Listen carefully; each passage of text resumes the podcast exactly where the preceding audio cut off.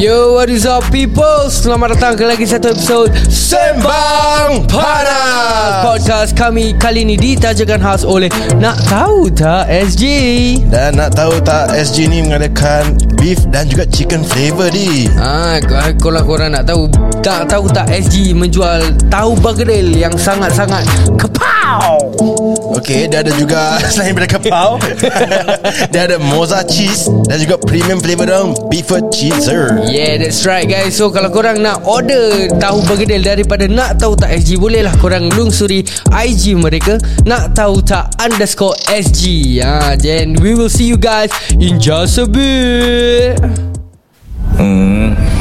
Hey, Selamat datang. This is Sembang Panas. Topik panas Semua panas. Let's go. Hey, Ini Sembang Panas. Ini Sembang Panas. Ini Sembang apa? Ini Sembang Panas. Ini Sembang Panas. Ini Sembang Panas. Ini Sembang Panas. Ini Sembang Panas. Selamat datang kepada semua yang dengar ni podcast. Ini cerita Alkisah tengah simbang panas. ID Isyam sebelah kiri Haikal Syafiq sebelah kanan. Budak baru in the game. Makanan Hey, ini sembang panas. Memang barang panas. Tak ada tapis, banyak lapis Tapi tak ada ganas. Alkisah cerita kita terkejelah Tak payah alas. Biar minda melapangkan ilmu dengan jelas. Sembang panas. Panas. Ini sembang panas. Ini sembang apa? Ini sembang panas. Ini sembang panas. Ini sembang panas. Ini sembang panas. Ini sembang panas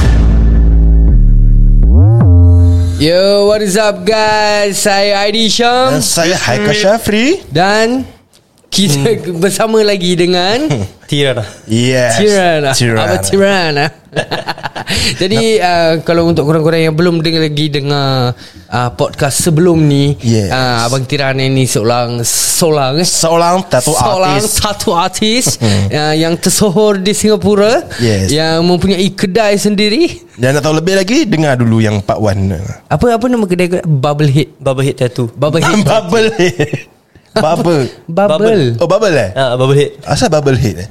Pasal yang bubble headnya tu. Oh. Oh Bubble ah, Tapi Head. kita panggil bubble head lah. Ah. Bukan memang suka pasal buih orang ke Tak ada. Itu macam kau je Aduh. Okay. eh, eh, Sekarang ni um, Okay uh, Jadi for Kita punya previous podcast tu Kita dah cakap banyak eh, We Kita kenal lah Kita kenal lah Tirana. Kita dengan lebih mendalam lagi Dengan experience dia Dengan uh, apa-apa yang dia pernah lalui And all that. So sekarang ni uh, Dalam podcast kali ni Aku nak cakap uh, We're gonna go deeper Especially um, The topics Uh, about the topics tattoo. about tattoo dalam masyarakat kita sendiri, masyarakat orang Melayu kita lah. Okay. Because macam aku cakap tadi, uh, tattoo dalam masyarakat Melayu kita ni even up till now is still macam a very hot topic, a taboo topic. Yeah. And uh, stereotyping uh, is still going on for very very strong. Correct Okay um, Antara stereotyping yang kita pernah dengar um, Is Orang yang tattoo je jahat. Betul. Orang yang tattoo je main baju. Betul. Orang yang tattoo ni uh, Kau jangan stay Nanti diorang kegaduh dengan kau. Baru keluar prison ke Ah, baru keluar Ah. prison. Ah, Ni mesti mak bapak tak ajar And all that lah. Betul tak? So um, Apa ni? Uh, Kita kasih lah Tirana explain Betul tak Macam uh, Stereotype-stereotype orang Okay, Kebanyakan. Kebanyakan Senang cakap Dalam banyak uh, stereotip Kebanyakan orang Melayu kita Terhadap orang-orang bertatu ni uh, Apa antara stereotip Yang kau pernah dengar Dan Agak-agak kau Kenapa stereotip tu exist? Hmm. um, Apa yang aku pernah dengar Maybe probably yang ni lah. Kita degil ke uh, Baru keluar ke You know Tak ada education ke. Uh, So ni memang I think it's very Dah normal lah Very biasa lah Jadi kalau macam yang, yang Stereotype yang macam Sampai kau terasa tu Ada tak? uh, Ada lah Ada lah Tapi kau pernah Eh, macam oh, uh, what, what, which, which of the stereotype Yang buat kau terasa Macam Yang uh, really hits you deep lah Senang cakap Mm, mak- maksud aku macam like that one would be like kalau aku ada proving point lah. Ah, ah. Ah, so macam kalau dia cakap aku tak pergi sekolah ke apa memang aku sahung balik lah. Then what's your what, what Eh, is your sorry, normally comeback? What's your comeback to that person? Macam aku at least gini-gini pun Aku ada diploma ke apa kan You know. Okay uh, Itu yang aku baru nak tanya tadi. Talking about it Kau, kau sekolah sampai Diploma. Diploma? Ha. Diploma in? Uh, Electrical Electronics Engineering. Oh. Siul. Uh, Apa kau siul lah Pandai pun.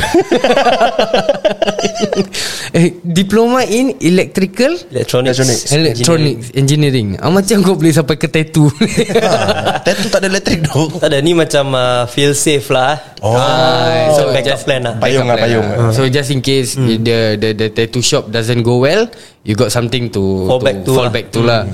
Hmm. But you you still uh, Macam fasih tak dengan that studies? Uh, masih okay lah Masih apply juga. I mean Pasal buat kedai ke apa kan You also need to Tahu lah Apa yang kau nak buat kan. Ah, okay, okay. So to your point of view right uh, Mana lagi dapat uh, In terms of financial Mana lagi lebih dapat Pada kau? Uh, Tattoo oh, Or the, the other time I was talking to him about um how much he's earning lah doing tattoo. Okay. Uh, trust me, you're gonna be surprised. Um, so uh, I'll let, Okay. let him take the floor. Berapa Berapa Yes Sebelum tolak menolak. Sebelum tolak menolak um, Paling besar Maybe dalam 10 ribu ada month Kimek Lepas tolak Tolak Maybe tolak rental ke Tolak posting pun Maybe a few thousands lah Ha? So bawa balik pun At least still 6 Sial lah. Serius serius serius. Kalau korang dapat tengok Haikal punya muka sekarang Dia mu- muka terperanjat beruk. Okay I think you just stay in your tattoo line. I don't go to your electrical. Okay trust me I'm in uh, electrical line juga. Uh-huh. But then I don't earn up to Okay lepas tolak, tolak pun tak dapat 6 Okay? Depan Dapat Yalah, satu atau dua je Itu dua pun okay OT lah So macam uh, Aku ada cita-cita Nak masuk apprenticeship dia. Tak lah aku tak muka tembok lah Nak tanya Abang abang Can I work as a tattoo? I show you my skill uh, I show you my McDonald bird Aduh. Uh, Okay Selain daripada yang Yang uh, Cakap uh, Yang stereotype pasal Apa ni Budak tattoo uh, Maknanya Tak tak cukup uh, Apa ni Apa tadi? Education, Education. level Not that high. Apa lagi stereotype yang Yang Kira uh, Akan buat kau rasa macam Terkesan sikit lah Bila kau dengar? Uh, I think yang lain semua actually okay lah. Pada aku memang Kalau nak cakap degil Memang ada degilnya. Um, Memang gitu je Macam maybe kalau yang prison pun Memang tak Tak sure lah kan. Mm. Ada memang betul-betul baru keluar ke Pernah ada history ke apa ke. So Memang that's, that's the point lah. Tapi macam uh, Okay kalau Orang Macam mana cakap eh uh, Macam kata-kata Semangat lah Untuk orang yang kena Stereotype ni. Mm-hmm. Cakap member kau ke apa Apa yang kau akan cakap kepada orang? Um, Pada aku just Just go je lah Just do je lah. Prove them wrong lah Or prove them wrong How how do you usually brush it off? Because um, honestly there there are people yang masa ada tattoo hmm. and then bila orang kena macam kecaman gini bila you know makcik cakap-cakap gini semua uh, there are people who actually macam feel pressured ada hmm. yang sampai uh, depressed ada yang uh, sanggup macam oh kau cakap aku jahat eh okay fine aku tunjuk kau uh, hmm. aku jahat lah you know um, what are your thoughts about this macam uh, tu in all honesty memang terpulang ke orang dia lah kan. Uh, macam how you want to motivate ke atau you want to change the ni lah negatifnya comments ke apa into something positive lah. Mm. Nah, tu memang it's all up to korang lah. So there's no way to brush it off no lah. way lah. To be honest, no way to brush it off. lah. You will Like, like be- for yourself How you brush it off Yalah aku just proof lah Like aku gini-gini pun You know I still study um, I'm earning more yeah, So and I can take care of myself And also Family ke apa kan. So That's No, why lah. serius lah. Tapi serius Kalau kena aku kan Bahasa makcik Melenting ah, tau Tak semua orang ada ada, ada, ada Eh sial lah ni budak ah, kau, kau tengok kau, Kia kia kia. Kau tengok kia budak ni ah, Budak tattoo ni ah, Ni mesti sekolah tak pandai ah, Ni mesti keluar drug ah, Ambil drug ni ah, Mesti kan? gaji baru Berapa ni, nak, dia kerja Ni mesti mak apa tak ajar nak Butuh oh. kalau aku dia Aku jangan keluarkan duit dalam poket. Eh butuh makcik Ambil. Pam Ah, Macam orang pergi operate macam sampai bibir pam, tu kan. Macam Ah. Dia ambil ni duit Operate bibir tu Kasi betul sikit. Lah Bobal tak tengok orang. Makcik makcik datang kedai makcik Orang tattoo apa mulut Masih diam.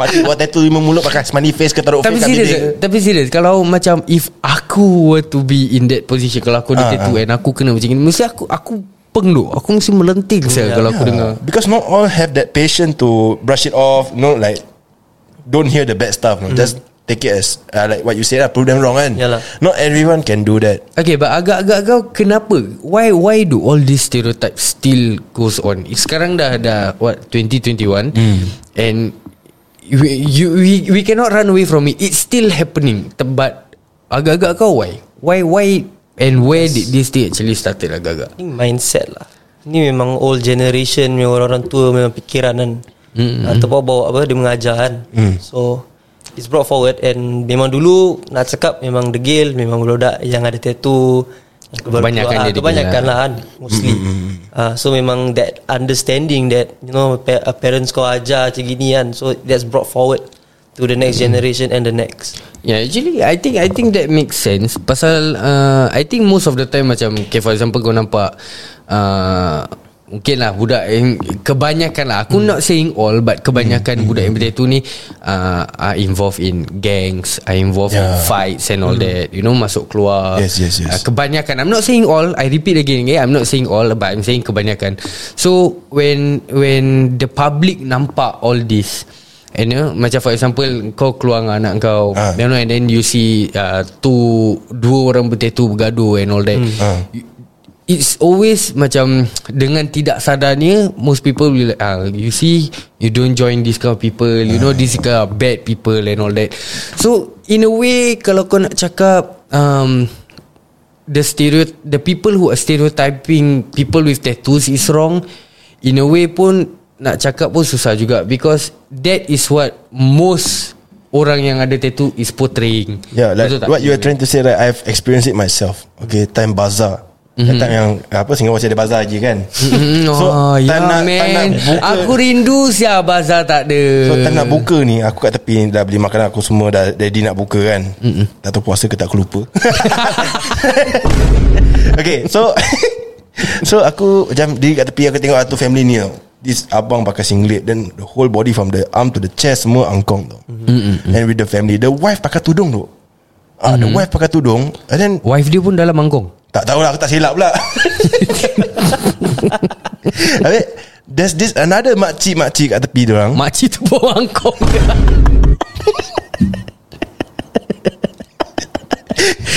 Tak ya Makcik tu Like they never Gossip sebelah antara orang tau. Like they really like Sengaja walk past And say like Eh jalan lagi Tak mau makan sini lah. Tempat kotor lah Orang-orang ni semua. In front of them? In front of them. And the, abang I really like Really respect that abang. I think that abang really beriman Or what Really taubat Because of puasa right? Uh-huh. Then the, Ada abang really like Like geling kepala Macam tak tak percaya lah. Just- Makcik just lagi macam sial lagi kan. Then like I'm there I'm there like Cuma ni makcik puasa ke tak sial Aku tak aku tak puasa Ni makcik tak puasa ke? Berapa kata orang pakai? Macam makcik lagi 5 minit saya makcik azan. The fuck sial No but but seriously Kadang Aku There there are times That I really feel that uh, Makcik punya mulut Kan Makcik punya mulut Dengan makcik punya perangai Is even worse daripada orang yang Yang bertetu Yang Yang And all that. What do you think? Is it? Actually quite true lah Memang betul lah. Is, is it because the area you're living a lot a lot of makcik? Memang banyak I mean Even family ke apa Also it's the same Okay okay lah. eh, Sabar-sabar Pernah ada makcik datang buat kau Like legit makcik? Pernah. Yang bertudung pun pernah. Huh? Eh, serious ah? Serious shit. Serius Betul. So what? Dia, dia datang kedai kau Dengan bertudung Atau Datang Bertudung serius Eh sial lah Makcik Ada. Mungkin sabar, sabar, sabar, tak sabar. mungkin dia jumpa ah, customer tu anak dia ke bukan dia buat tattoo. Tak ada yang buat actually Maki Eh, Dia buat tattoo apa? Wasiat dia kat badan.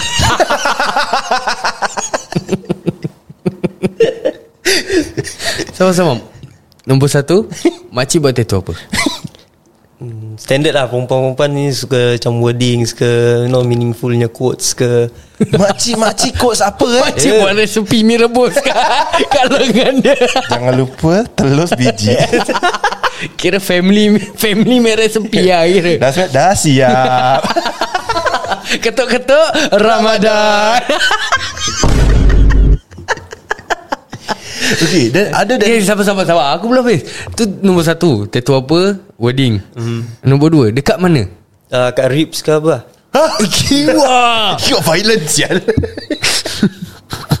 Ada serius. Makcik umur berapa? Um, 50? 40 40 ish lah. Oh That one is cougar level lah But this one cougar tak Cougar tak bertudung. This one bertudung sial bro. You are busy sia Tapi Other than that tattoo Dia memang Ada Ada tattoo ada lain. memang ada tattoo lain juga ah. Tapi semua tercovered. Ah, semua covered dalam so memang tak obvious. Damn. That, Have you ever asked the makcik Are you married ke Atau single? Um, ada lah Memang ada yang Talk to me kan. Pasal kita Bila buat tattoo tu there's, It takes time man So sometimes kita berbual But no dia- Personal stuff ke apa ke ya. So memang ada yang Okay kan single moms ke ah, Atau husband baru Masuk ke Something like that lah. So oh, So Oh, banyak makcik pun pressure buat tattoo eh? Macam-macam havoc lah. Boleh dikatakan macam havoc Atau Ma- makcik havoc lah, Makcik makcik havoc havoc lah Okay okay The third question. Makcik ada tattoo side book? Ah, Eh Ada. Apa sial what, what, what, what, what would that be? Ya, Ni semua standard lah. Usually orang buat quotes ke apa Memang. Like, Assalamualaikum like that Busy Assalamualaikum. Waalaikumsalam. Aduh. Wait I want to ask him one One more question. Sabar, aku, sabar. Aku pun habis. Aku yang excited ni. Kau, kau, Bila kau tattoo makcik hmm? Yang bertudung Kau kau tak rasa awkward ke?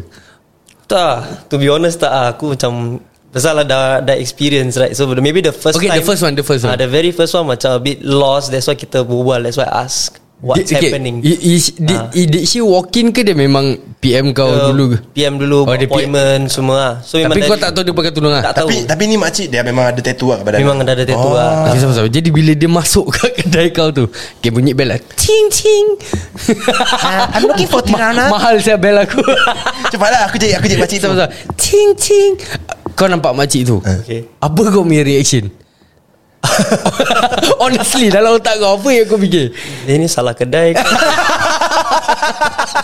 Makcik uh, Toko warisan sebelah makcik Makcik jalan terus Al-Barakah sebelah kiri Ah gitu Makcik buat tattoo side book Al-Barakah Aduh Wait, wait, okay, okay. I want to ask you first. I want to ask. I want to ask this question.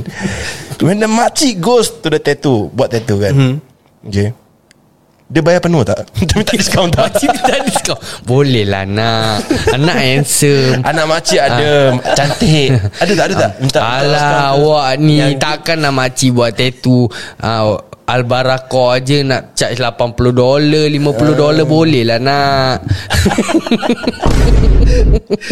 ah, Tapi usually orang tak gitulah I mean orang datang memang They pay full. They pay full yeah. Kau never ask for discount. Makcik tak minta diskaun Ya, mak- Yang muda-muda Masih boleh bekerja ha? Minta diskaun Makcik invest. Kau ingat member aku ha, Sakit makcik je Siap eh, makcik eh. Kau masih tak boleh get dia. Okay, itu makcik. Ada tak pakcik yang dah berjubah datang? Lepas sembahyang Jumaat apa again tattoo? Tu tu tak, tak, tak. Oh tak pernah je belum, okay, belum. lagi tahap tu. Jiwa kau tahu yang Orang dulu-dulu Imam mesti kan Untung kat datang. Kau tahu kau tahu heart shape Ya I love mom ya Tapi dia I love solat Jumaat Aku mesti kena kecam Podcast ni Aku mesti kena. Kan kau aku pun kena. First episode ni Comeback kena Kita labak-labak ni. Okay um, Pernah tak kau kena sound Depan-depan Pasal tattoo kau? Baik dengan makcik ke? Hmm. Baik dengan uh, Abang-abang lain ke? Pernah memang memang pernah lah. Confirm memang kena punya. Cerita Cerita Cerita Cerita. Eh yang first memang makcik Memang makcik memang. Makcik memang orang Like normal lah Diorang punya gossip Kadang-kadang dia just straightforward Cakap apa ni semua kan Pak makcik kenal lah Makcik Ah, kenal ke makcik tak kenal Makcik kenal lah Oh makcik kenal kenal Ah, tapi ada yang kalau yang random pun pernah jadi ah, tu macam daerah masjid ke apa tahu ada pakcik-pakcik kan. Uh-uh. Ah, kadang-kadang orang just sound off gitu je. Like how How they sound off Just cakap je gitu lah. Just very straight Lagi-lagi kalau time sembahyang Jumaat kan ramai kan. Ah. And then I will just walk by. Okay some, some, some of the soalan Some of the soalan yang Yang pakcik Campak kat kau? Uh, Ya lah Diorang just sound off. Lah Dia bukan tanya lah Dia macam Apa ni Asal kau bertattoo macam gini semua? Kan tak elok Then what's, your, what's your comeback? Aku just cakap je lah Ni memang pilihan aku You know. This is what I like. You said that to the imam I don't know if it's the imam lah or- Kau ni. So dia cakap tadi Dapat masjid dia lalu Aku ingat imam naik Mesin kau. Kiwa. Eh but ada tak imam Pernah approach kau tanya? Ah, tak. Tak lah. Aku, gitu tak. Aku rasa usually The the the orang yang betul-betul beragama and all that will will rarely be asking you Yalah. about this. You know pasal macam uh, aku ada bangsa yang ustaz and all that. You know to them it's like okay kau ada tattoo okay lah. Mm, okay benda benda dah jadi. There's no point in me questioning you. You know usually yang akan macam ah yang kau nak anak-anak tattoo ni kenapa? Ah, ni semua kan tak bagus. Eh. ni semua usually yang yang yang yang pakcik-pakcik macam-macam baru nak up lah. Ada pakcik-pakcik baru nak up. Aku dia ada baru-baru lah. nak nak jad- menjadi alim lah kononnya. Aku ada sebenarnya. This uh, cikgu sekolah. So he was This uh, macam Part time imam mm-hmm. Ataupun ceramah-ceramah Dekat masjid mm-hmm. ni So aku tengah lepak Bawa bawa bawa main bola tau Dia datang dengan jubah dia Dengan member-member dia semua Dengan jubah datang Assalamualaikum Masya Allah What are you guys doing Huh? You should be at home Doing your salah Doing your salah You should not be outside Aku cakap macam what are you doing? It's like Tak pernah ada eh Macam gitu eh, orang approach tu eh. tu belum lah It's, it's usually those yang baru nak up lah Aku rasa Ah, aku yang, rasa gitulah. Kau tahu tak Yang macam Oh baru belajar Lepas tu Menunjuk You know lah. baru pergi masjid Every Sunday uh, Kira belajar every Sunday punya kan Tiba-tiba terus jadi di Imam Imam level Self proclaim Ah, tinggi lah, self-proclaim self-proclaim, lah, kira, yes. kira confirm plus chop masuk syurga ni. It's always this type yang yang akan macam ini tak kena tu tak kena will sound kau directly and all that. And usually those macam aku cakap lah Ustaz ke Imam ke Orang yang betul-betul beragama They will never ask lah They will usually never ask mm-hmm. Kalau at most pun Bahasa Will tell you uh, Kalau lebih baik Next time They will not tell you macam Lain kali datang pakailah Macam ini You know they won't say They will like, uh, Kalau boleh Lain kali pakailah tangan panjang Jadi orang tak tegur You know They, Yeah. they will say it nicely Am More, I right? more elok lah Yes yes yes Oh really eh? Ya. eh, eh, Kenapa? Aku dah level imam Aku belum lagi level imam Sebab aku masih level faith lagi so, Okay Tirana I want to ask you hmm. eh, Your experience When you Perform your prayers In masjid How bad do you get stereotype inside? Um, Ni rabak tu Confirm je Tak ambil wudu lah Tak nak Buka slipper pun dah kena aku rasa uh, okay lah Sadly aku don't really I'm not the praying type But aku Hmm. still have certain responsibility Sometimes pergi masjid You know just to settle some things ke apa lah Hmm. Okay okay uh, Just bayar zakat ke apa All this memang kena jugalah hmm. So Masuk je memang dah kena lah Kena macam mana tu? Because aku ni orang very You know very straightforward Very Straightforward, ah, lah. Tak cover tak apa Just go in lah You know just settle this What, what, what, what, what do they ever say to you? Memang dia just cakap je Asal datang macam gini semua. Ah serius serius Cakap lah baju lengan panjang tengah cuci. Pendek ada So when they ask you, What do you say? Aku cakap je Aku dah datang bayar ni lah. Bayar zakat lah. Ya Tu je lah. Aku Dia orang tu blank lah. Orang just blank lah. Dan kali datang Jangan gini-gini semua. Aku macam ah Whatever lah you know. Yeah. Gila lah Eh tapi serius Aku pernah nampak Apa ni um, Aku pergi solat Jumaat lah. Hmm. And then At that point of time uh, So kau tahu Pipe dia kan selalu sebelah-sebelah kan? Ah. So aku tengah Kat satu pipe And then beside me was Abang pakai Abang ada Tattoo lah Full sleeve Ah, ah. Sampai leher and all that. Then sebelah ada lagi satu pakcik You know And then um, Macam mana aku nak cakap? Eh, Dia I, Aku saw the whole thing Where the the pakcik like You know macam Dia tengok abang tu Then dia mah Dia macam Yeah. You know macam hmm, Give that. Dia gitu aku macam Apa sih dia ni? Aku aku ya Aku yang tak ada tattoo Aku yang macam terasa je. Aku tengok abang tu macam Abang tu macam buat bodoh tau. Ha. Aku ingat abang tu tak perasan. Then pakcik tu macam Keep looking at him like, Macam "Ai, Apa nak jadi budak-budak sekarang? Gitu Time ambil uduk baik Time ambil, time ambil uduk dia macam Hai apa nak jadi budak-budak sekarang? Aku dah macam kat situ Jakimak pakcik Lu diam lah Zip lah Saya pakai mulut. Aku tak ada tattoo tau. Aku yang rasa macam gini Aku macam Kisah ni pakcik Jangan-jangan pakcik tu Stress tak? Bini dia pun bawa bikin ke kedai Tirana. Aku rasa pakcik Patutlah bini aku minta 500 Setakat Imagine Faith kat belakang. Bodoh. Kau bodoh.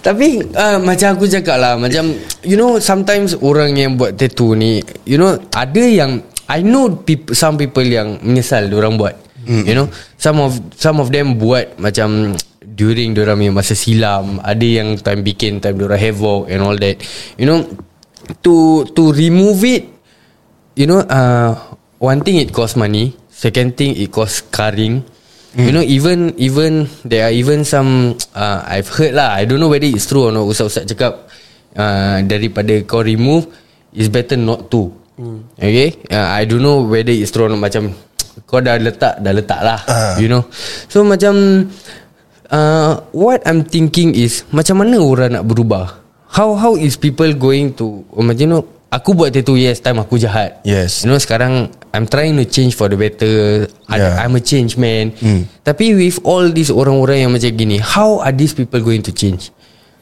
Betul tak? Betul juga lah but, but, but, Macam Tadi apa tidak nak cakap uh, Ni masing-masing jugalah Dia pemikiran kan Hmm, yes. How they want to judge is We can't control them what Kalau dia nak judge Let them be lah Just Brush it off lah Like what tidak see just now. Like True True But But Kau rasa macam tak fair ke Sekarang ni okay, Macam for example Pakcik ni sound kau dulu macam gitu For example.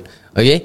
And then When you fight back And when other people see it the, Nobody's gonna gonna Ah ni no. pakcik ni mesti start Nah, dulu nah. ni. Nobody's Ah. gonna that. Nobody's gonna Macam kau, away Orang orang ah, ni- welcome ah, Ni kau tengok ah, budak ni Kurang ajar sih Dengan pakcik berbual macam gini. Ah, You know people are usually gonna say that. Pada aku macam Don't, don't you feel like it's not fair? Memang memang tak fair lah It's, it's just It's fucked up. Like no one side you right? Like, Semua orang akan side kau Asal orang tegur aku je Aku yang jahat. Hmm. Aku Yeah, tak yeah, dapat Aku true. tak dapat backup point. Tak ada apa nak support aku. Uh, True true true. Okay sekarang aku nak tanya lagi satu. Uh, The the most common uh, Stereotype yang kita dengar lah. Kalau tattoo aja uh, Mesti dia jahat Mesti dia budak baju. Apa yang korang rasa pasal ni? What what are your thoughts about this?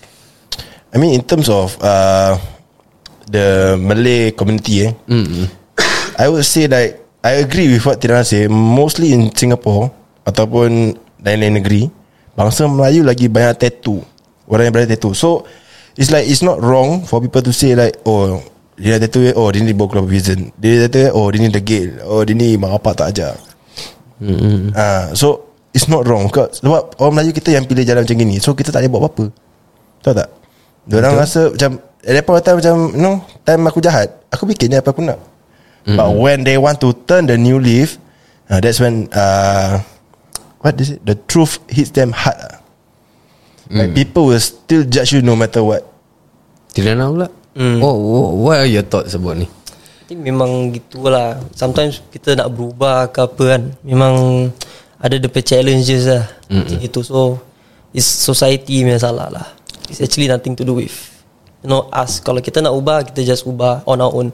And kadang-kadang because of such um, Ni lah kan Kecam dia kan Sometimes people run away From the faith. Uh, Diorang lagi tak nak campur Lagi tak nak. You know, you know, like, Eh, tak, you get tak, Sorry sorry. Aku the moment dia cakap The word faith Aku tak dah lari. Ah Yalah. Ni Michael lah ni. Apa aku? Kau asyik canon Dia patent tu faith dia bodoh. Sekarang dah masuk dalam otak aku. Aku dengar word faith je. Aku dah no, You teringat. must have faith For people who having tattoo now no, Give them hope For them For those who want to turn a new leaf No must have faith. Must support them moral uh, You know tak boleh selalu nak Kecam orang For what they did Until when They want to turn a new leaf.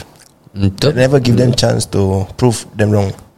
Okay sekarang um, This this stereotyping Usually um, Okay uh, Sorry sorry. Um, Apa tadi aku nak cakap ni? Oh Bila aku tanya kau tadi Bila ada tak kau pernah kena sound depan-depan? You know uh, You answered yang Pasal pakcik sound kau mm. You know and all that. Pernah tak kau kena sound dengan Orang lain Because of your tattoo Like sebaya kau ke? Uh, You know, like- ada jugalah. Memang ada lah cerita cerita. Tak, I mean macam ni lah Macam members pun ada juga Sound juga. You know sometimes jangan Too much ke Apa ke lah. I mean orang try to support. Some of my friends do support. Apa yang apa, aku nak buat ni sekarang But Some they just say like You know Know your limit Try not to go too much Ataupun nanti Susah nak cari kerja Maybe. Mm. No it's going to affect your life Some way or another lah. Ah. So they more This more advisory You know Itu- more advices. Itu kalau orang sebaya approach kau. Yeah. Tapi pernah tak Budak-budak sekolah approach kau? Tanya Ah, ya, ada kat, tak- ada, ada- ada bus stop apa kan, Tengah tunggu bus ke apa? Ayah budak-budak bawa sekolah tanya Bro why your arm like that? Uh, Kalau yang tegur Usually cakap Style ke cool Oh ada. lah. Ada. Budak sekolah? Ya, yang Melayu? youngsters lah. Ada lah Apa nak jadi ni? Kau tengok. Stereotype eh? Aku pula dah start stereotype. Apa ni budak-budak Melayu ni? No, dia legit Dia cakap Legit, cool. legit, dia cakap style Mana kau buat gini-gini semua. Kau tengok Budak sekolah Ada otak. Boplay lagi besar daripada aku. Berani tegur abang tattoo ni. Kalau aku kat sebelah aku no, but when, when we were kids eh, I, I mean this is you and me ah. Aku boleh judge dengan korang semua. I, I- can say that Me and ID Bila time kita kecil-kecil Kalau ada budak tattoo Aku takut. Aku aku tak aku macam Is kita diam Atau kita lari? Daripada Ya ya ya ya. No no okay. Kalau korang nak tahu Aku pernah kena sound dengan budak Budak bertatu Time aku Second uh, Secondary one Okay Aku dalam bas Balik daripada sekolah ni Kau tahu lah Usually dulu Kita kan akan naik Double decker uh-huh. Duduk belakang sekali kan. Uh, Tempat budak jahat lah konon Ah, ah, ah. Jadi aku tengah duduk kat belakang. Kali ada This tiga Tiga uh, Abing Hmm. So diorang main tattoo memang cantik. Aku tengok lah. Aku macam Tengok tapi aku macam Cuy-cuy sikit-sikit lah kan. Tak nak boci sangat Yang aku tengok. Jadi aku macam tengok-tengok Okay lah Habis um, Sampai dekat bus stop aku uh, The bus stop before mine Diorang dah nak turun. But bila time diorang nak turun tu One of them cakap Eh uh, puyau, puyau, puyau, puyau Macam gitu Aku dengar just, The only thing aku understand Was the puyau lah. Don, don, don, don, don Macam gitu. Ha. So bila sampainya dekat bus stop aku Aku turun. Diorang pun turun. Aku pun tak fikir apa-apa lah. Ha. Jadi bila aku tengah jalan tu Eh wak Yang satu grab aku punya bag So tolak aku dekat tembok Ah, What's that there? What's that there? Kiwa Aku cakap dengan kau Aku main boplay So naik tekak lah sial So naik terus Naik terus Tapi Body wai. Habis aku macam aku, aku dah lah Aku eh sial ya Allah Aku uh, Terus terang aku cakap Aku ingat aku mati tu Ba- tak Baru kena eh? sound dengan tiga budak Macam tak logik Abing sama budak kecil eh Tak Diorang pun macam bayar Aku rasa orang Like 18-19 ke tak? No Like Aku rasa macam Secondary school me age Oh. juga But aku rasa dah tak sekolah. Pasal diorang dah tak pakai baju sekolah. Tapi muka-muka masih Budak boy lagi lah Ah, ah, ah. Ngangkong semua. Aku tengok cantik No No no. I, I see your tattoo nice. You wear one You wear one. Kau tak cakap I got six sided I got six sided. Tu- Tepat aku main Megazord ni Butang belum ada. Kalau tak I mungkin press I press You watch out. Mungkin aku berani sikit Tak tapi serius Aku sejak Sejak Aku rasa Aku was already scared Of orang bertattoo But Aku rasa after that incident It just makes things so much worse. Aku just Got Even more fucking scared lah. Teruk lah eh. Kau pernah kena Dengan budak tattoo. Aku tak pernah so, Aku kalau nampak orang bertattoo ni Aku normally akan Diam. Ada cuy lah Tengok tattoo dia Macam bentuk apa? Dia Ah kan kan dia. kan kan. Dah tengok tengok balik Tengok balik Tengok balik. Habis bila aku dah tengok balik Ya Allah itu je dia bikin. Ada ada ada yang bikin tattoo nampak keluar sleeve. Habis bila dah ketiak Atas sleeve tak ada tak, tak, ada apa tak ada apa Bawah ada ada. Tak cukup Tak cukup duit. Ah, Diskaun agaknya. Kau pernah kena sound Dengan budak Pasal gangster Pasal Macam dia, dia tengok tattoo kau Tak ah. So far tak memang Betul. tak pernah kena sound lah Tak aku tengok aku, aku dah cakap kau Orang bertattoo ni Semua fierce-fierce Okay that is, Orang tak berani. Okay before you have I know you got full sleeve right? Okay. Before your full sleeve You only got one or two tattoo right? Mm-hmm. Sabar-sabar the, the fifth was 13 15 15 Ah. Bila Yang kau move on to full sleeve? Um, Aku started like For the chest first lah Maybe when 18 lah. Chest oh, So after that fifth 15 The next one is 18 18 yeah 3 years Three years then go to chest already Chest yes I mean before before before you add down to that chest right. Time kau ada faith Koi, eh? tangan kau. Tak Dia punya Tak Tak ada aku macam Aku aku tak pernah nampak chest dia Jadi aku tengah fikir Apa tattoo kat ni Mesti coin yang penting bukan six sided dah bukan. Bukan bukan, bukan. okay, time kau ada faith kat tangan kau okay. Okay. Kau kena sound tak dengan orang yang ada. I mean that's the only tattoo he have right? Okay okay okay. Ah, Kau pernah kena sound tak Dengan orang yang dah full sleeve semua? Kau tengok macam Eh lawa apa Dia sleeve dia bikin? Tapi dia tengok kau Eh apa sih aku tak tengok aku? Tak So far memang tak pernah kena Oh, tak ada lah. Ah. So, so aku nak tengok Bila kau ada tattoo faith tu je Just that faith only Uh-huh. Kau ada nak show off show off tak Pasal kau Ada lah, kau, kau, kan, kan. How- how- how you show kira, off? Kira macam jalan, jalan, jalan macam. Atau Ataupun macam Pegang macam pegang pegang, ah, pegang Pegang railing. railing Naik, naik bas pegang diri Step. Dengan school uniform Wah ada juga flex eh? Ha? Ada juga flex lah eh? Ada lah memang, memang Bayang kau tak ada kau flex mana Pakai singlet bro Kalau aku aku pakai macam v-neck tu. Ingat Ingat feeling Apa Buka baju Oh sebab tu lah. Macam marip-marip Kebanyakan suka pakai v-neck Ah. Kira mau tunjuk ada angkong sikit lah. Ada nampak ikan timbul kat atas tu. Kan lebih baik lu pakai crop top. Tunjuk sikit.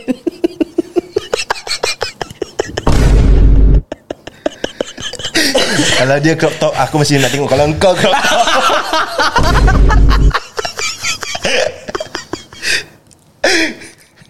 Eh ada pun Mina gemuk-gemuk pakai crop top Itu macam Danny terlipat je. Oh ya Allah sakit saya Aduh ya Allah. Okay Okay guys. Guys kita pergi break sekejap. Boleh tak?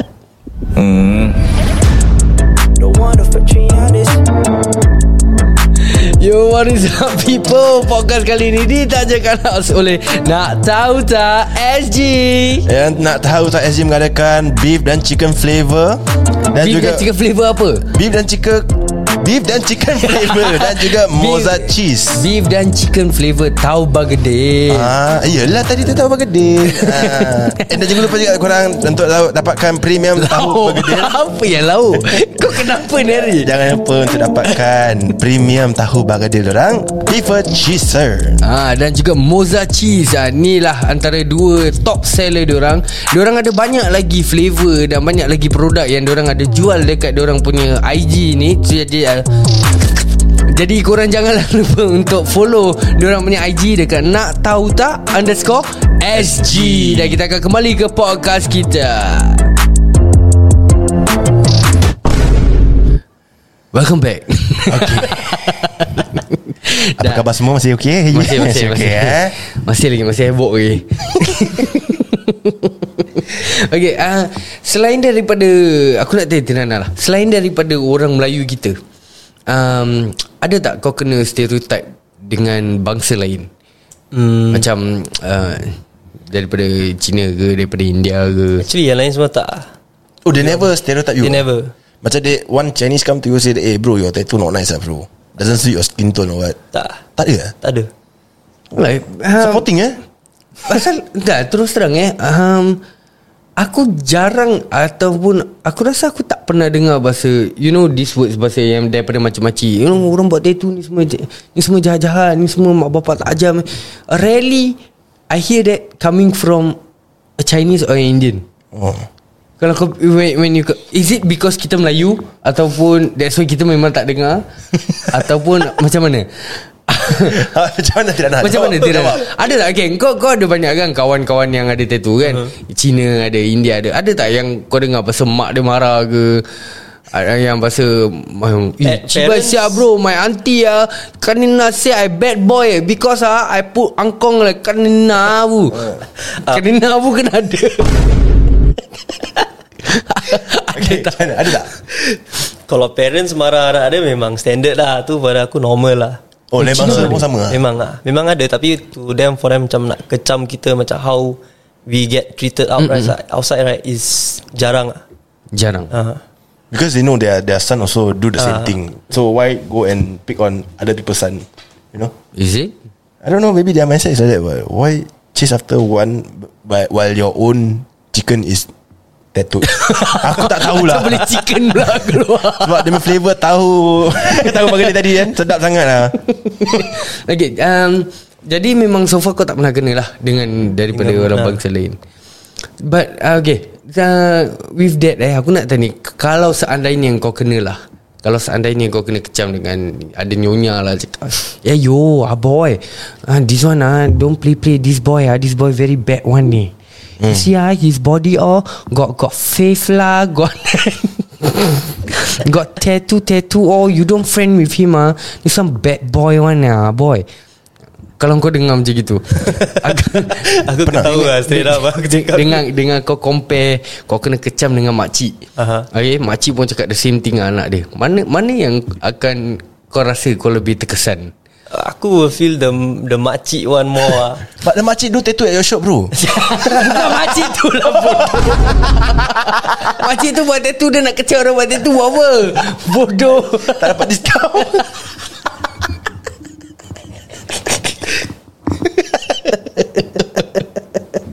Okay so far takkan terasa lah ya, Memang- nyonya-nyonya ni semua memang tak pernah Rasa lah gitu-gitu lah Okay I have one One question I wanted, wanted to ask you About people with tattoo Which is always happening in Singapore Atau apa tak People with tattoo Going to MRT And always been Stopped by Transcom Have Kau you- pernah kena? Ah tu pernah Okay, Selalu. okay what, what, what is the first thing they ask you uh, Kau buat apa lah kat sini Buat You know ah, Ah. Kalau let's say If it's at the train station ke apa kan ah, Memang dia Do they ever gitu. check your tattoo Like any gang related Dorang, tak, tattoos Diorang will just check the bags ke Pockets Everything Cause I think from the tattoo itself Dorang suspect kita maybe Bawa dadah Along, ke uh. Weapons ke You know So that kind of uh, Stereotype memang So ada dorangnya Oh really? Okay, Really? nampak lah kira-kira. Memang ada? Memang ada. Because there, there are many people yang yang uh, I think that, kau ingat tak yang ada satu pak cik yang viral pasal dia gaduh dengan Transcom.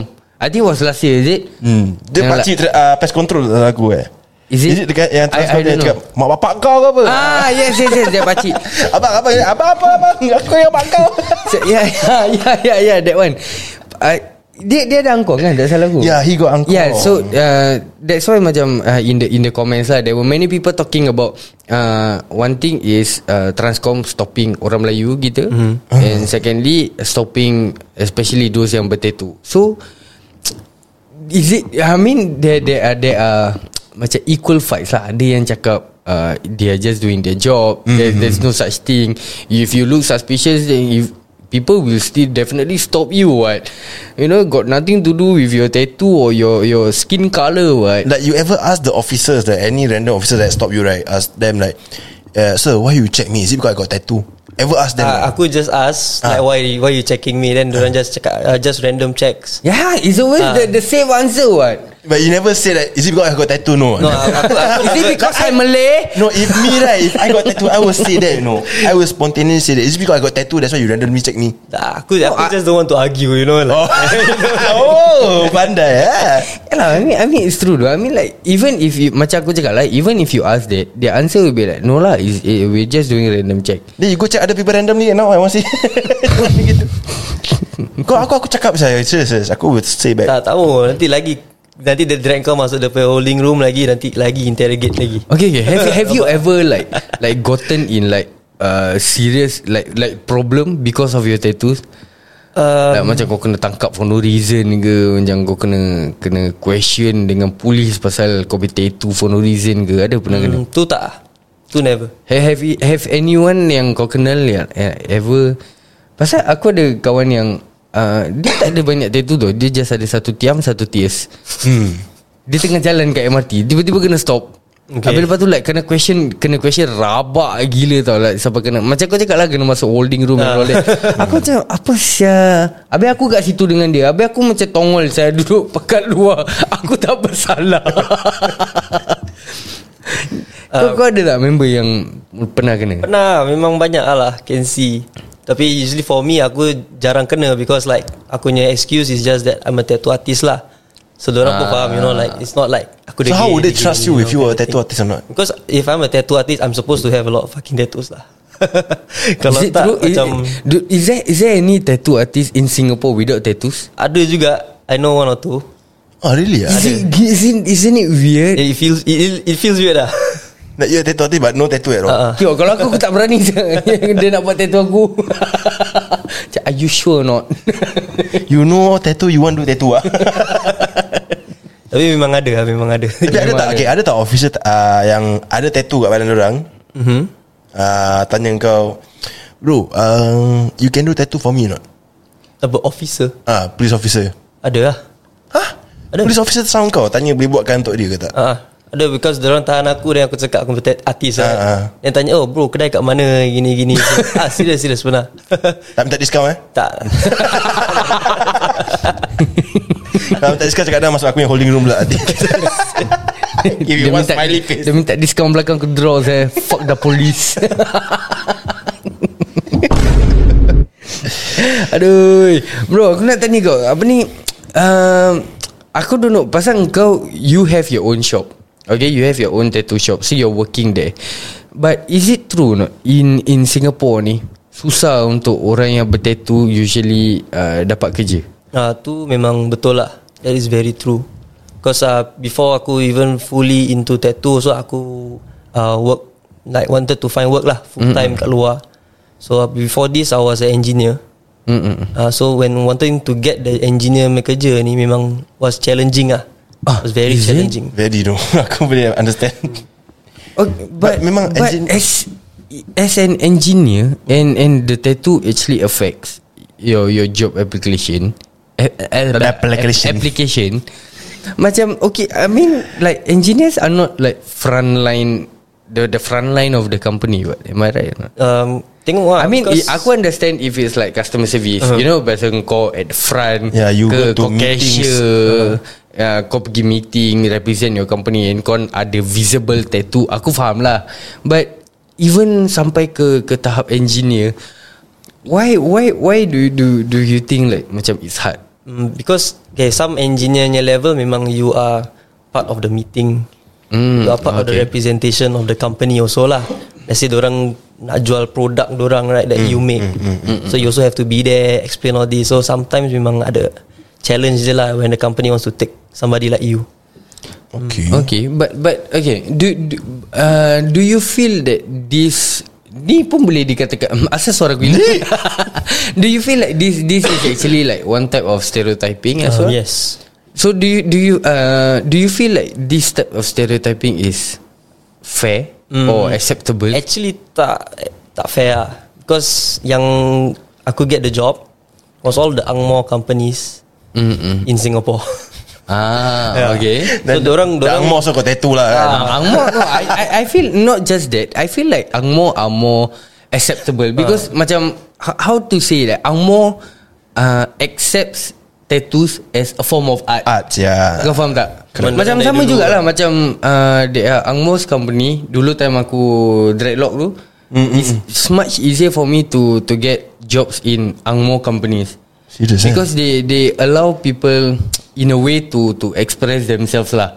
Macam express yourself more. Macam you you kau tengok macam in America punya area style lah bahasa kau ada those uh, African American dengan afro, you know, and people with braids, people dreadlocks, you know, all working together yang Actually, ada actually I agree with you, you know, because uh, I saw one of the TikTok in the uh, app, right? This nurse, I think it's a surgeon, full sleeve tattoo. Oh yes, yes, yes, I saw, I saw. Then police officer also full sleeve tattoo. They are really okay with it. Ah, hmm, kau try imagine dekat Singapore pakai tudung pun tak ada kerja polis yang. wow, wow. I think. Then let's not start there. We don't go there. Okay lah, okay lah. Let's Sorry ya, go government. Maybe next one lah. Maybe if we can get like you know some woman representative wearing tudung, maybe sitting in the. Uh, macam uh, don't say lah. Okay lah. okay. Nanti kena minta maaf pula.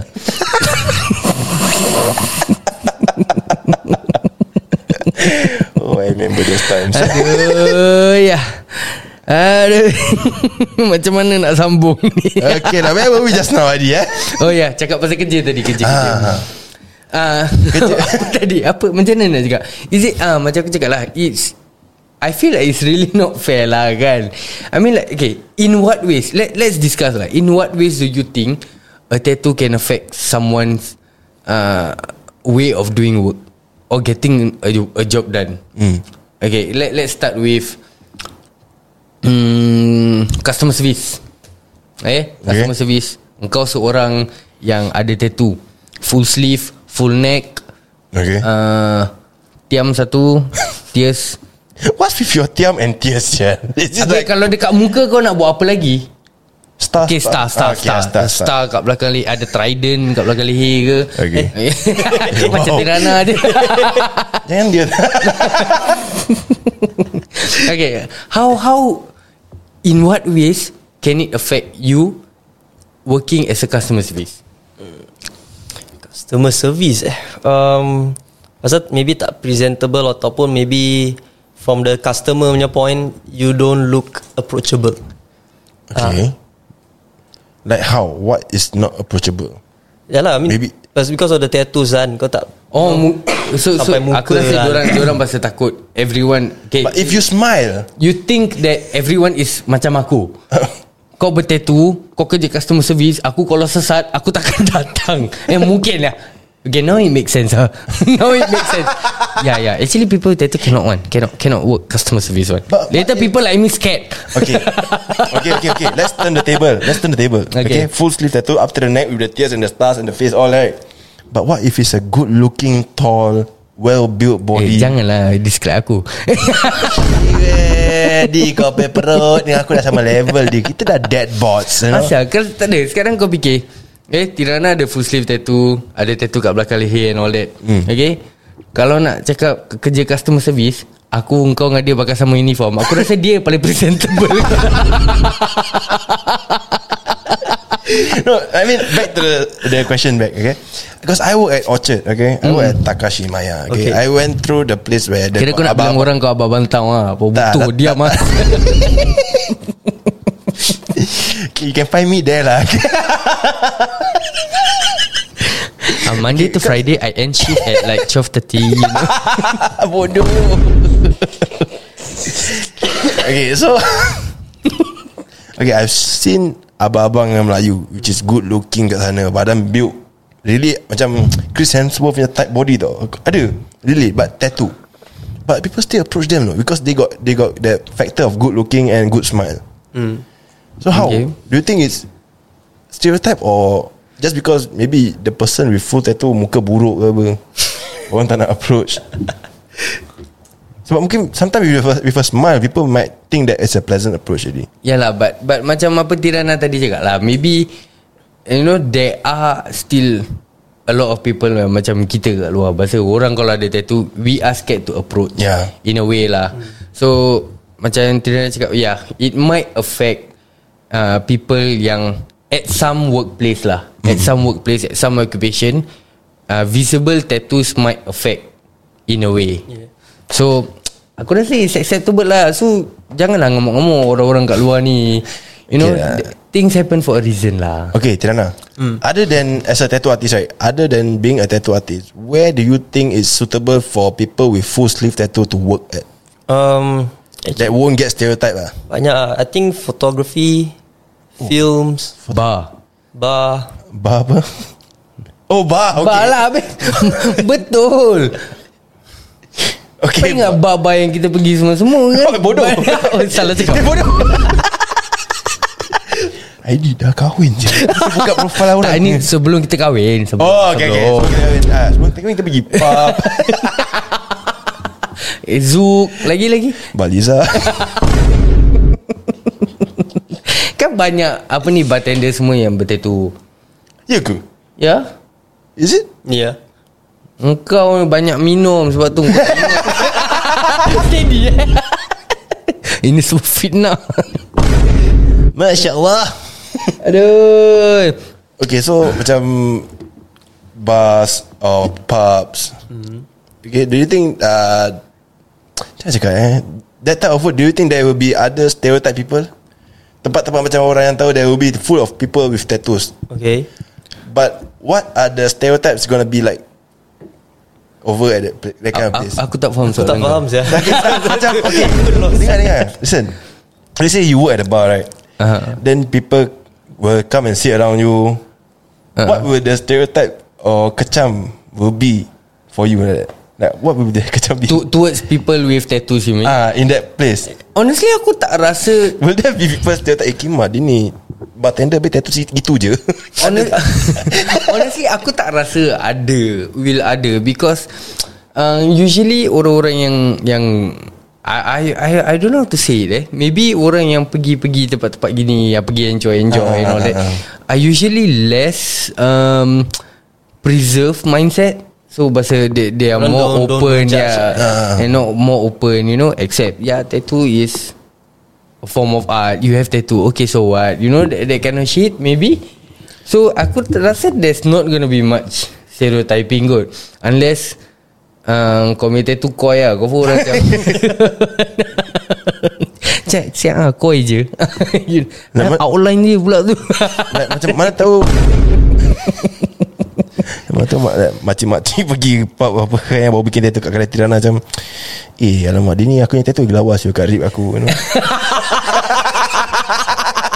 Makcik jalan luar pub gini. Angkat baju tunjuk sak ibu. Cover- Jalan sebelah ke meja. Macam Bro bro. Makcik-makcik sama bartender tu Bro come see My one Tira- Tirana I- tattoo I, do, I do at bubble head tattoo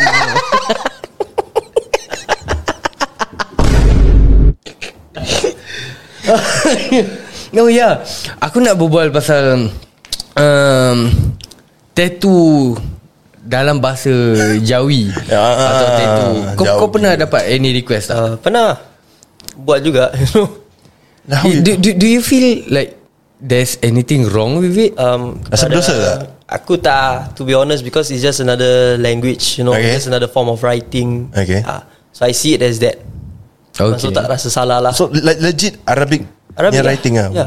Surah, apa tu agak-agak Tak it's just kadang-kadang Diorang letak nama orang But in Arabic oh. Atau ada quotes You know like Meaningful quotes And in Arabic Oh, oh yeah.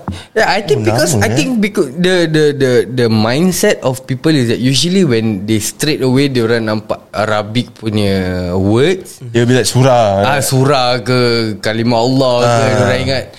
Tapi ada tak orang yang macam nak tattoo atau kau pernah nampak pasal tattoo benda-benda gini dekat orang? Apa surah ni Ah surah ke kalimah Allah ke? uh, Tak ada lah actually So far tak ada? So far tak ada eh? Uh. Macam-macam pun tak ada. Makcik dah. Dah aku tak nak cakap. Nanti aku kena kecam lagi. Surah Yasin kat, kat arm ke? You are more busy I sial. cannot move on with the makcik sia Seriously bro. Like time dia kena tattoo tu macam Allah Akbar Allah Akbar. Kau memang minta oh.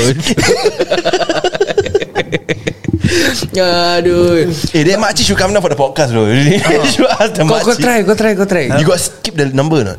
Masih ada. Kau, kau save anda apa Makcik tattoo. Makcik heboh Alah. Adalah nama dia. So makcik if you listening to this podcast right Your tattoo artist is with us. Bodoh. Nanti member kena kecam bodoh. Eh promote lah. Tak payah sebut nama apa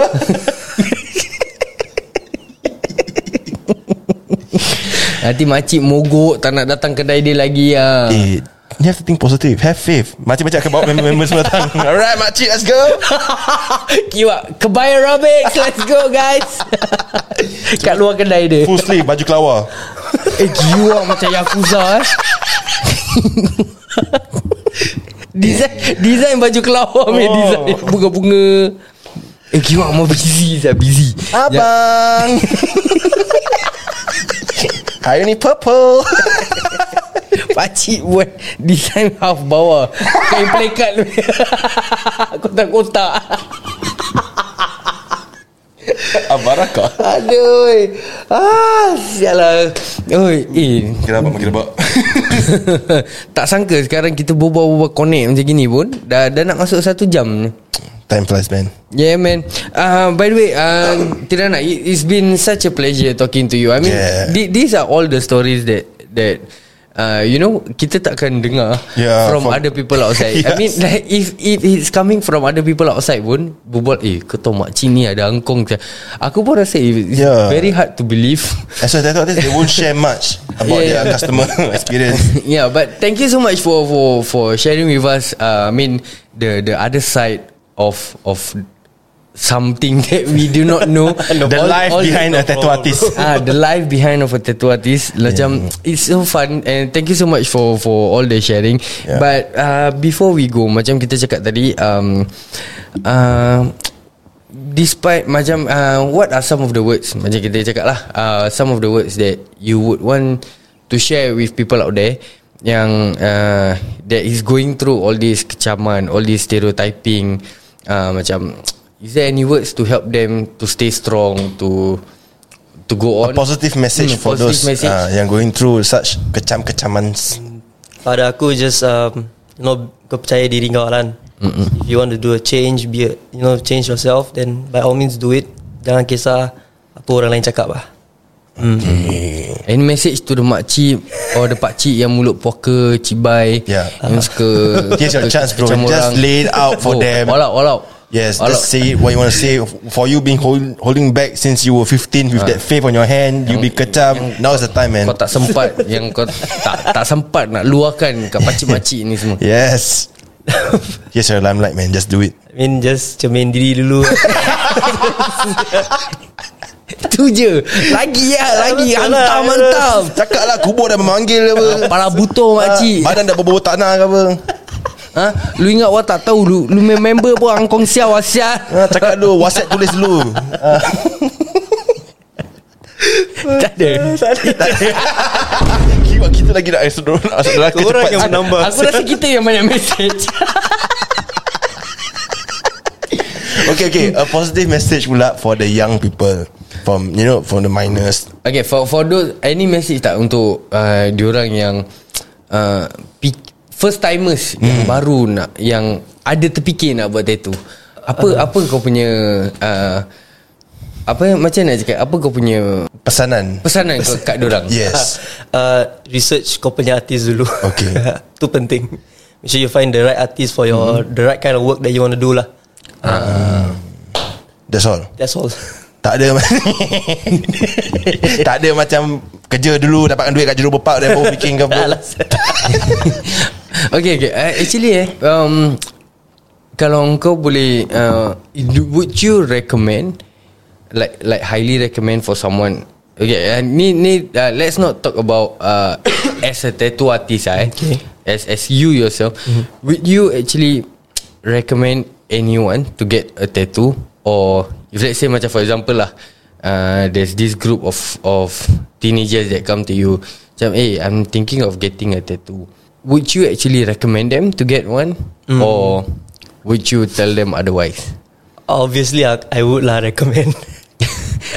You know Because it's, it's, it's work lah. Okay I mean I mean If if you're not a tattoo artist. Okay um, Yeah but aku is a form of Self-expression kan. So if that helps you You know Express yourself ke Atau maybe Provide some closure Because some tattoos are meaningful also. To some of To such reasons kan. Then by all means do it. But is there any tips important or or, or like uh, meaningful tips yang yang you tell them jangan buat kat tempat yang boleh nampak nanti kau susah dapat kerja ke anything like that ke? Uh, First tattoo eh. Um, Ya lah confirm lah Just avoid like certain areas lah Until you Dah more Selesa. like, uh, like, like more confident With the pain first also as well. Uh, Dah lebih confident You can take it Then you can do more. And kalau kerja Does not If it does not hinder your work uh, Then okay hmm. Okay jadi yes, uh, Aku rasa That will be all With our guest today Yeah, I think that's all for uh, podcast episode kita yang kali ni. Um, any any last words from you ke? uh, Untuk apa Last word untuk Untuk siapa-siapa lah. okay lah, Untuk yang mana-mana Masing-masing lah Nak buat tattoo tu fikir lah Kan Ada rasa form of art Go for it Ada rasa It will affect your future Then don't do it mm. That's all I can say lah Uh, untuk aku pula macam um, I'm not I'm not that good. I'm not aku bukan orang yang alim ke apa. You know but uh, eh, you know and it's not in my position to say you know don't do it you know mm-hmm. memang semua orang ada hak masing-masing ada kemahuan masing-masing if you guys want to do it then so be it but aku punya message is more to uh, the makcik-makcik and the pakcik-pakcik out there. Um, tak semua orang yang bertattoo ni jahat You know. Aku berbual macam aku ada tattoo eh. Okay? Aku Apa ni Tak semua orang yang ada tattoo ni jahat. Jadi uh, Janganlah macam You know Cepat sangat Stereotype orang Macam gitu. Yeah. You know um, You know I know so many people out there Yang Yang bertattoo Tapi baik Yang Yes. Hati lebih mulia Daripada pakcik-makcik Yang mulut Macam pekimak kat luar ni. Correct. So Yalah. Orang tak kacau kau Kau janganlah kacau orang. Kan? Kau nak kau nak nasihatkan Ke anak kau ke apa ah, Kau nak cakap Janganlah cakap depan-depan Orang yang ada tattoo ni. Orang ada tattoo ni Tak kacau kau pun. Tak. You know? Right Ah, jadi uh, yalah itu je lah podcast kita untuk kali ni. Uh, thank you so much kepada semua kita punya view uh, viewers lah. Thank you so much kepada semua kita punya listeners. Yep. Uh, kita harap uh, korang terhibur lah dengan kita punya sharing session kali ni. Yes. Uh, jangan lupa untuk like dan share kita punya podcast dan untuk korang-korang yang belum lagi follow kita punya Sembang Panas uh, channel dekat Spotify ni janganlah lupa untuk follow. Correct Okay jangan lupa untuk follow juga uh, Tirana punya IG Kalau kau nak tengok dia punya side book punya gambar-gambar.